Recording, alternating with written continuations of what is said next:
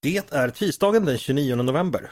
Jag heter Andreas Eriksson och du lyssnar på Ledarredaktionen, en podd från Svenska Dagbladet.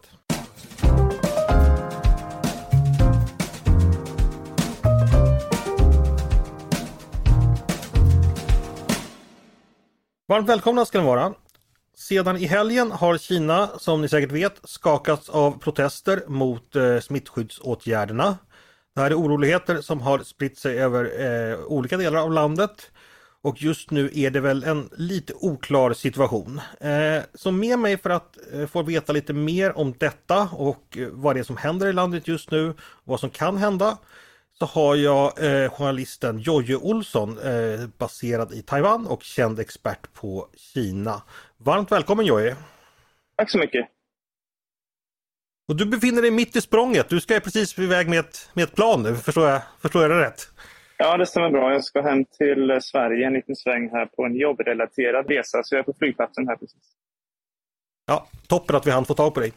Yes. Du, vad är det som har hänt i protestväg de senaste dagarna? Kan du bara berätta vad det är du har eh, iakttagit och ja, vad som har skett helt enkelt?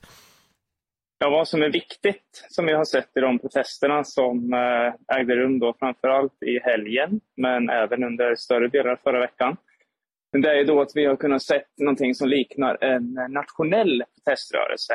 Och det beror ju då på missnöjet med de här fortsatta restriktionerna mot covid-19. Eh, tidigare i november så gav ju myndigheterna då vissa tecken på att eh, man skulle lätta upp på restriktionerna. Men istället då så har det kommit en ny smittvåg som har bemötts med eh, samma slags karantän och eh, lockdowns som tidigare. Och eh, förra veckan så satt faktiskt eh, fler kineser än någonsin tidigare i karantän och större delar av landet än någonsin tidigare var under lockdown. Och det är alltså tre år sedan pandemin började. Så man har helt enkelt eh, ledsnat på det här. Och eh, samtidigt så har det skett ett par olyckor. Den mest uppmärksammade är då att det har börjat brunnit i ett lägenhetshus i västra Kina. Och eh, minst tio personer ska ha omkommit i branden då eftersom brandkåren inte kunde komma fram då de här såväl dörrar som nödutgångar var igensvetsade som ett steg i ledet av den här nolltoleransen då mot covid-19 så att familjerna inte skulle kunna gå ut. Och eh, nu då när det här har eh, drabbat hela landet så att säga, så eh, har de här nyheterna spridits så fort på sociala medier att de inte har kunnat raderats i tid. Och det innebär då att eh, demonstranter har gått ut i olika städer och dels så har de visat sympati för varandra. Så vi har demonstranter i Shanghai exempelvis som har visat sympati för de här familjerna som brann inne 3000 kilometer bort i, i eh, nordvästra Kina. Och eh, Dels så eh, har man inte bara uttryckt missnöje med covidpolitiken covid-politiken och eh, karantän och lockdowns, utan man har även på en del platser efterlyst Xi Jinpings avgång och man har även ifrågasatt kommunistpartiets eh, maktställning. Så det är dels eh, det är en nationell proteströrelse och dels då att kraven har eh, blivit allvarligare då från demonstranterna. Och det här senare att man då eh, även angriper styret och kommunistpartiet. Hur eh, ovanligt skulle du säga det i en kinesisk kontext? Brukar protester innehålla den typen av mer generell kritik eller är det här någonting nytt? Protester är faktiskt ganska vanligt i Kina och det har varit ganska vanligt under pandemin också. Men då har det alltid varit på lokal nivå. Det handlar om att ja, jag vill inte att min gata eller mitt kvarter ska vara i lockdown eller varför måste jag sättas i karantän? Eh, så att det har alltid varit en lokal karaktär på covid-protesterna och eh, tidigare protester mot korruption eller eh, om det är strid om eh, fastigheter och mark, om det är någon slags maktmissbruk på lokal nivå så har det alltid i stort sett vänt sig mot eh, lokala myndigheter. Det här är första gången sedan 1989 vid massakern på Himmelska fridens torg. Som vi har någonting som liknar en nationell proteströrelse som inte bara då vänder sig mot eh, lokala politiker, lokala myndigheter, utan även då på sina håll mot centralregeringen. Så det är någonting som är mycket ovanligt i Kina. Mm. Eh, vi ska återkomma till parallellerna 1989. Tänkte bara fråga, protesterna rent praktiskt, vad är det folk gör? Man, vi har ju sett bilder att man har gått ut på gatorna och så vidare. Vilka typer av metoder är det som används? Men det är ganska svårt att eh, organisera protester i Kina på grund av att myndigheterna har ju då full kontroll på eh, internet och sociala medier. Exempelvis i Shanghai då så när man då tog till gatan, då gick man till eh, den gata som hade samma namnet som den stad som den här lägenhetsbranden var då i västra Kina. Och väl på plats då, så det handlar inte om några jättestora demonstrationer här utan det handlar väl om ett eh, hundratal eh, människor på sina håll då i Shanghai och eh, Peking där det har varit de största demonstrationerna. Och då är man där och ropar då de här ramsorna som framförallt i Shanghai har varit riktade även mot centralregeringen. Men det har också varit på sina håll då att man förstår att det är en stor risk att gå ut och demonstrera. Så istället för att direkt ropa efter Xi Jinpings avgång, så använder man lite mer kreativa metoder. Som exempelvis man håller upp helt blanka eh, A4-papper, helt blanka pappersark som ett eh, tecken då på att jag är trött på att jag inte får säga vad jag vill. Jag får inte ha någon yttrandefrihet överhuvudtaget. Och framförallt så ser vi också den här, eh, de här metoderna på internet då, trots att eh, myndigheterna kan se allting som postas så försöker man då tänja gränserna på vad man får säga eller inte. Så det handlar om eh, eh, mindre fysiska protester där man ja, provar sig lite fram vad man kan säga innan polisen ingriper. Och eh, framförallt då så har man visat sympati för dels den här familjen, de här familjerna som brann inne i nordvästra Kina. Och sen har vi också haft liknande andra olyckor med till exempel då eh, bussar som ska köra iväg folk i karantän där det har dött drygt 20 personer i en bussolycka. Det har varit eh, allt från bebisar till äldre kineser som då har dött i karantän och lockdowns för att ja, läkare eller familjemedlemmar helt enkelt inte har fått komma in och ge den medicinska hjälp som har behövts. Så då visar man stöd och sympati för de här offren som då en metod att uttrycka kritik mot eh, covid-politiken. Hej, jag Ryan Reynolds. At Mint Mobile, we like to do the opposite of what Big Wireless does. They charge you a lot, we charge you a little. So naturally, when they announced they'd be raising their prices due to inflation, we decided to deflate our prices due to not hating you. That's right. We're cutting the price of Mint Unlimited from $30 a month to just $15 a month. Give it a try at mintmobile.com slash switch. $45 upfront for three months plus taxes and fees. Promote for new customers for limited time. Unlimited more than 40 gigabytes per month. Slows. Full terms at mintmobile.com. Jag läste en, en, på Twitter eh, skriven av en person som eh, också diskuterade Kina mycket. Och eh, den personen beskrev att protester inte är ovanliga i Kina, vilket du också säger, men att Tidigare så har det ofta varit begränsat till vissa sektorer att ja, det kan vara arbetare som exempelvis protesterar för bättre arbetsvillkor eller för högre lön. Eller studenter som vill ha ändrade villkor på universiteten eller någon annan grupp, alltså bönder som får för lite betalt eller något sådär. Men den här gången så tycks det inte vara begränsat till en enskild sektor på det sättet utan så att säga mer generellt. Är, eh, är det en bild du också delar av protesterna den här gången? Absolut, och anledningen till det är ju att den här covid-politiken, nolltoleransen mot covid-19, att den eh, drabbar ju då alla lager i samhället. Tidigare så har vi haft då framförallt en som man säger, urban och välutbildad eh, medelklass i eh, storstäderna. De har ju vänt bort blicken när vi har haft då exempelvis att eh, ja, men vi har ett eh, folkmord som pågår i nordvästra Kina. Vi har ett civilsamhälle som förtrycks hårdare än på mycket länge. Korruptionen kvarstår givetvis, men den här medelklassen har tidigare vänt bort blicken för att det har inte drabbat dem direkt. Men nu, när man inte kan arbeta eller resa som tidigare, när man helt plötsligt då kanske måste sätta sig i karantän, när man inte får träffa sina familjemedlemmar, då drabbar det alla. Och det är det som gör att det här har förenats i en slags nationell proteströrelse. Att det inte bara de underbetalda arbetarna, eller det är inte bara de förtryckta etniska minoriteterna som, som drabbas, utan det är eh, hela befolkningen.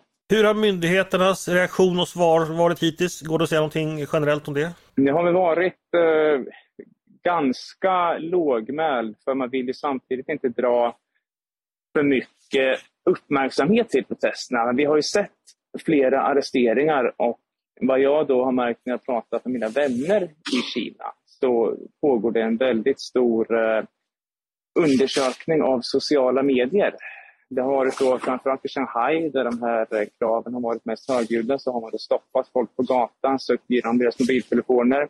Det är ju så att eh, kinesiska myndigheter har ju full koll på allting som sägs i kinesiska sociala medier. Men om du har Telegram, WhatsApp, eh, Signal eller några av de här apparna, då kräver polisen då att få se dem och även då få se dina bilder. Och till och med i Peking då så har man knackat på dörren och eh, velat se eh, telefoner för folk som man då har misstänkt eh, varit med i protesterna. För att ja, man har ju då haft videoklipp på de här protesterna. Man har också kunnat eh, ja, men helt enkelt följa eh, chattloggarna från eh, personer som varit inblandade. Och nu då i efterhand när de här protesterna tillfälligt har avstannat på grund av att poliser har barrikaderat de här områdena och om man tar de här förebyggande åtgärderna, då eh, kontaktar man, arresterar helt enkelt de här människorna som varit inblandade och eh, kollar igenom deras telefoner och, och ger dem då diverse varningar. Just det, för nu är det ju då att eh, det är tisdag kväll när vi spelar in det här i kinesisk tid. Protesterna så att säga verkar ha kulminerat lite i helgen. Måndagen och tisdagen i Kina, hur har den varit? Finns det någonting att rapportera från den absolut senaste tiden? Nej, vad man har sett då, som sagt, är ju att de här gatorna i Shanghai och Peking där de här protesterna har ägt rum då tidigare, då har ju polisen satt upp avspärrningar där och polisen har tagit sig dit. Och, då har man liksom ett, en dilemma då som demonstrant. Det är inte lätt att organisera så här för att om man då tar sig till den gatan, ja då blir man ju arresterad. Och om man försöker att organisera en protest vid någon annan plats, ja då måste man använda de kinesiska sociala medierna som också övervakade och då kan man också bli eh, arresterad. Så det är en väldigt svår situation. Men däremot har vi sett en stor frustration på internet. Och det är då både på inhemska sociala medier och på appar som Telegram och Signal som spelar en väldigt stor roll. Eh, precis som de gjorde i, i demonstrationerna i Hongkong. Så man kan se den här uppdämda ilskan. Jag är själv med då i flera telegramgrupper där kineser då pratar med varandra, skickar eh, filmer och bilder till varandra. Man kan se den här ilskan. Men det finns inte riktigt för tillfället något sätt att få uttryck för det i och med att Eh, ja, myndigheterna nu övervakar de här, den här rörelsen, då, de här protesterna så pass, eh, så pass hårt. Och framförallt eftersom de också har ägt rum vid minst eh, 79 stycken universitet som har listats i Kina där studenterna också har ställt krav på yttrandefrihet, demokrati, informationsfrihet. Och eh, det här är mycket känsligt för de kinesiska myndigheterna för att det finns en eh, tradition i eh, kinesisk historia att stora proteströrelser, som exempelvis då det Himmelska fridens torg, de startar vid universitet. Det här med att myndigheter är ute och undersöker just de sociala medierna. Jag tolkar det lite som att det är där saker kan spridas eftersom det inte finns några fria medier. Så det är där helt enkelt man försöker etablera både form av någon kontroll men också försöka få kunskap om hur stort är det här? Hur allvarligt är det? Hur spritt är det? Och utifrån den kunskapen och vad man gör där sen vidta övriga åtgärder. Eh, förstår jag saken ungefär rätt då? Så är det absolut och eh, det är också en anledning till att när man då som, ja men som mig då, som journalist som följer det här eller som eh, en kines som bor i utlandet eller någon som har kinesiska kompisar så är det då väldigt, en väldigt fin balans när man ska kommunicera med varandra. Eh, folk som skickar filmer eller bilder till mig, de eh, har ju också en möjlighet, eller en risk snarare, att, att råka illa ut. Så det är en väldig försiktighet på sociala medier, de inhemska sociala medierna, samtidigt som man då i de här telegram och signalgrupperna där de kineserna som då kan använda mjukvaror för att kringgå internetcensuren är verksamma, eller kineser för den delen som bor i utlandet. Så det är en väldigt eh, fin balans, men här finns det ju väldigt många vis som man kan vara kreativ på som eh, kinesisk internetanvändare. Det finns en lång tradition av satir och kreativitet för att då undgå eh, censuren eller för att uttrycka sin ilska utan att kritisera myndigheterna. Man kan säga då, som exempel att ja, man kan ju posta flera vita papper, bilder på vita papper som man då har hållit upp under demonstrationerna. Eh, och om det censureras så kan man tänka att myndigheterna är så känsliga att de censurerar ett vitt papper. Det finns de har, som har skrivit långa tweets där det bara står på kinesiska bra, bra, bra, bra, bra, bra, bra. som ett tecken då på att myndigheterna inte låter dem säga någonting annat än att det är bra. Så att man ser många som uttrycker sitt missnöje men gör det på ett vis som gör att de inte kan arresteras. Så det är en väldigt intressant dialog eller, ja, som pågår på sociala medier just nu. Mm. De här fysiska protesterna vi ändå har sett, eh, går det att säga någonting om deras omfattning? Hur många människor är det som har deltagit och hur, vid hur många tillfällen är det faktiska eh, eh protester i den fysiska världen så att säga har ägt rum? Vet vi ungefär det? Ja, vi har ju sett att det uh, varit en karta här som har eh, pågått i ungefär hälften av Kinas 31 provinser och då är det främst från de stora städerna, Eh, flera miljonstäder då, där vi har fått eh, information och eh, i form av bildmaterial och videomaterial. Och sen finns det då sannolikt mycket protester som äger rum i mindre samhällen och mindre städer som vi kanske då aldrig heller får, får reda på.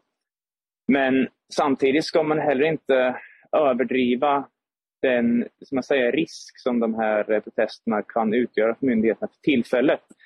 Eh, den här jämförelsen med eh, Himmelska fridens torg eh, haltar ju lite grann än så länge i och med att det handlar fortfarande bara om hundratal som då är ute på, på gatorna. Men det är främst i de stora städerna och det gör det ju mycket svårare för, för myndigheterna att kontrollera situationen än om det bara skulle ha varit i eh, små samhällen där, där det är då, så att säga, lokala missnöje. Ändå har det ju dragits eh, paralleller till situationen eh, för sommaren 1989 med det som slutade med massakern på Himmelska fridens torg.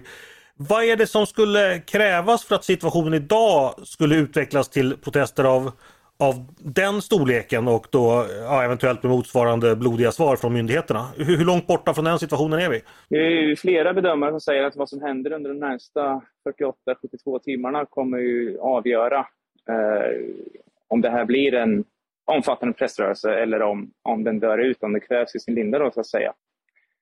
Eh, men eh, en detalj som är mycket viktig här, det är ju att eh, de flesta demonstranterna är ju unga. Det är ungdomar, studenter som går ut och demonstrerar. Även om det också finns äldre så är majoriteten ungdomar. Och uh, unga kineser, de har växt upp med en väldigt förfinad bild av sin egen regim. En eh, bild som är skapad av propagandan. Så de vet inte hur brutalt partiet kan agera för att skydda sitt eget maktmonopol. De känner inte till vidden av massakern vid Himmelska fridens 1989. De har istället lärt sig att myndigheterna tjänar folket och myndigheterna är lyhörda inför folkets vilja. Så att det finns en viss diskrepans där inför vad unga kineser, deras fina bild, deras bra bild av den egna regimen och hur regimen de facto är redo att agera för att skydda sin position. Och det är någonting farligt som man får ta med i beräkningen.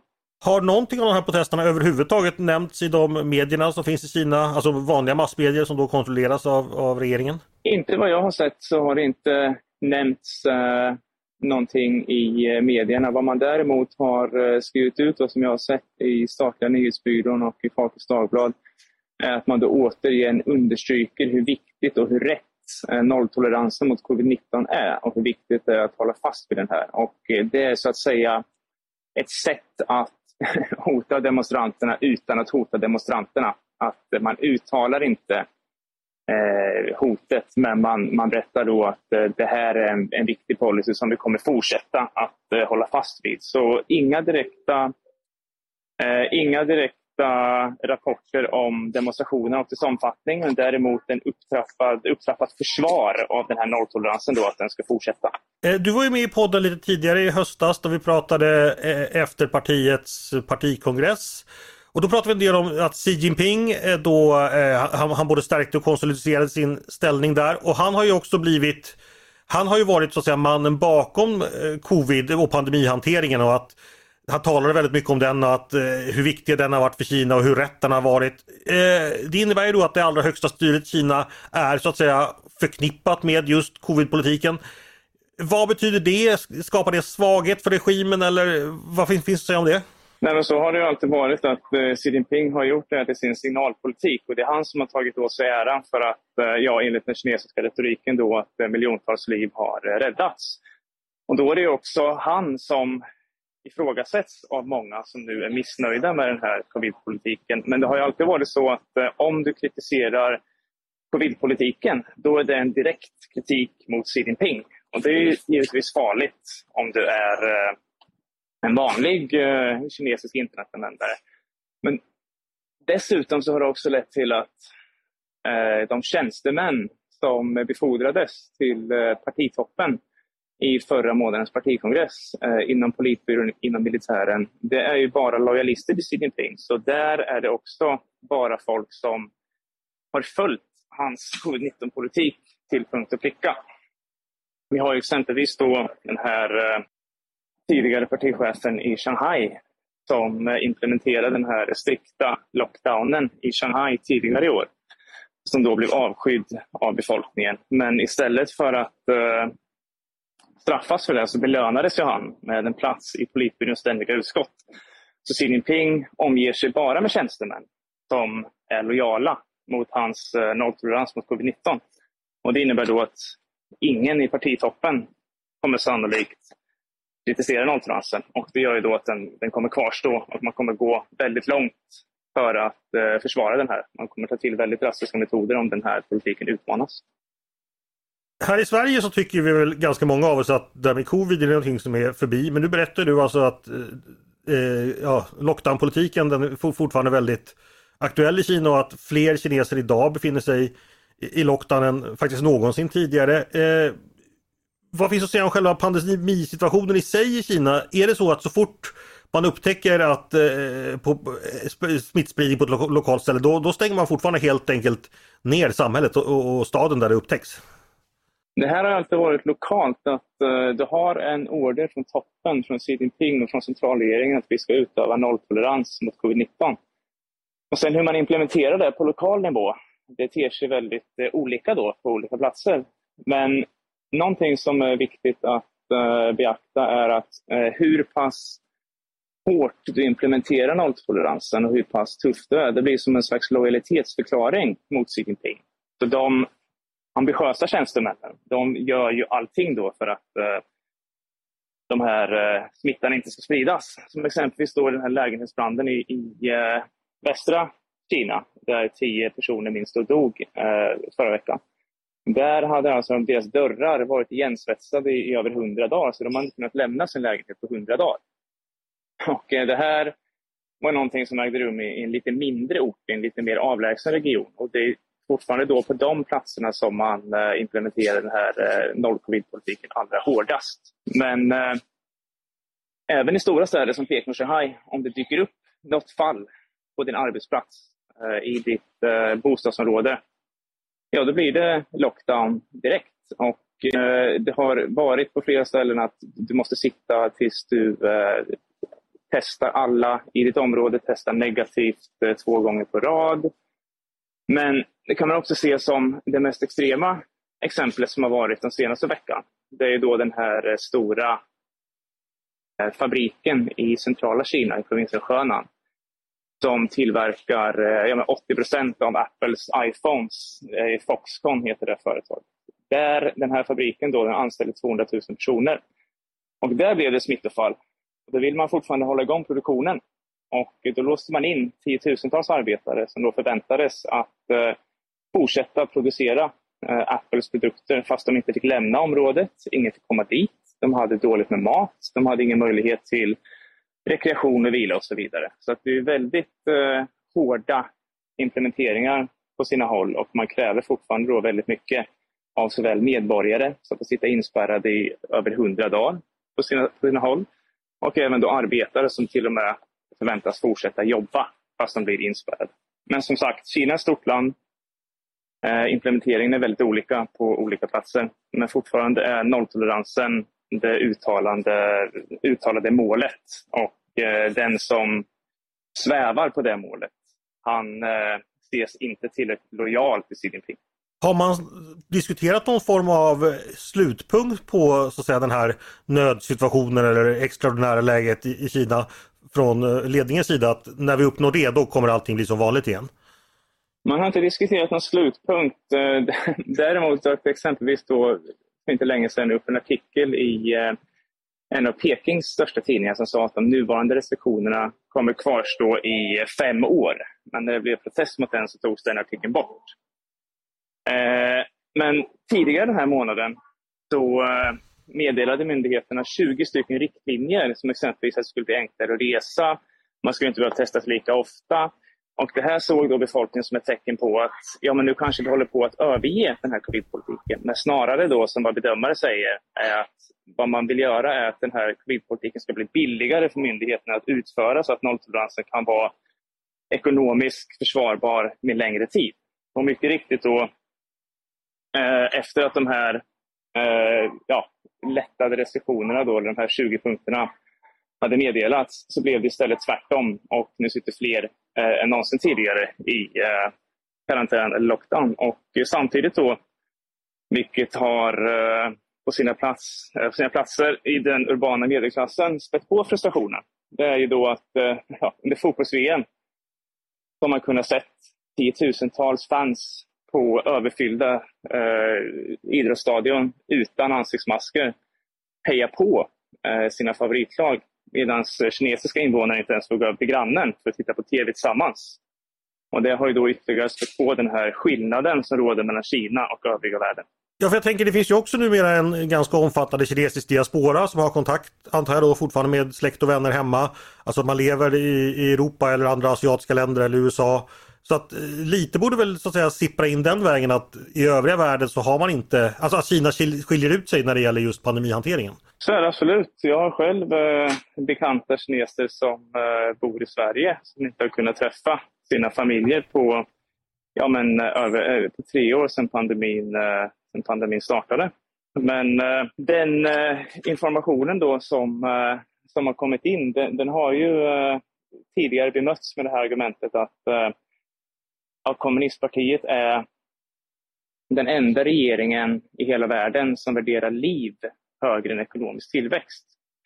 Och det argumentet har eh, svalts, det har köpts av stora delar av befolkningen fram tills nu av två anledningar. Och det ena är att eh, ja, man har ledsnat för att restriktionerna håller på för länge. Men det andra är att smittan har spridit sig ganska mycket de senaste veckorna. Vi har 30-40 000 fall om dagen. Och då börjar ju flera invånare undra att jaha, om vi måste leva i karantän men smittan ändå sprids, så vad är då poängen med myndigheternas covid-politik? Du, eh, vi ska ta och runda av och låta dig springa iväg till åt båda plan. Eh, är det någonting, ja, något ytterligare du bara skulle vilja lägga till som du tycker är viktigt att vi och lyssnarna tar med sig eh, när det gäller just situationen just nu?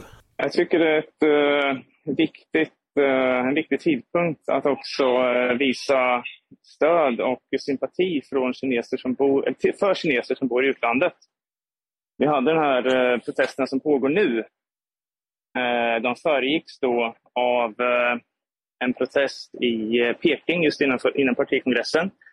En ensam aktivist vecklade ut en banderoll utanför en gångbro då, förra månaden. Och det följdes sen av protester av kinesiska studenter vid minst 350 utländska universitet och lärosäten.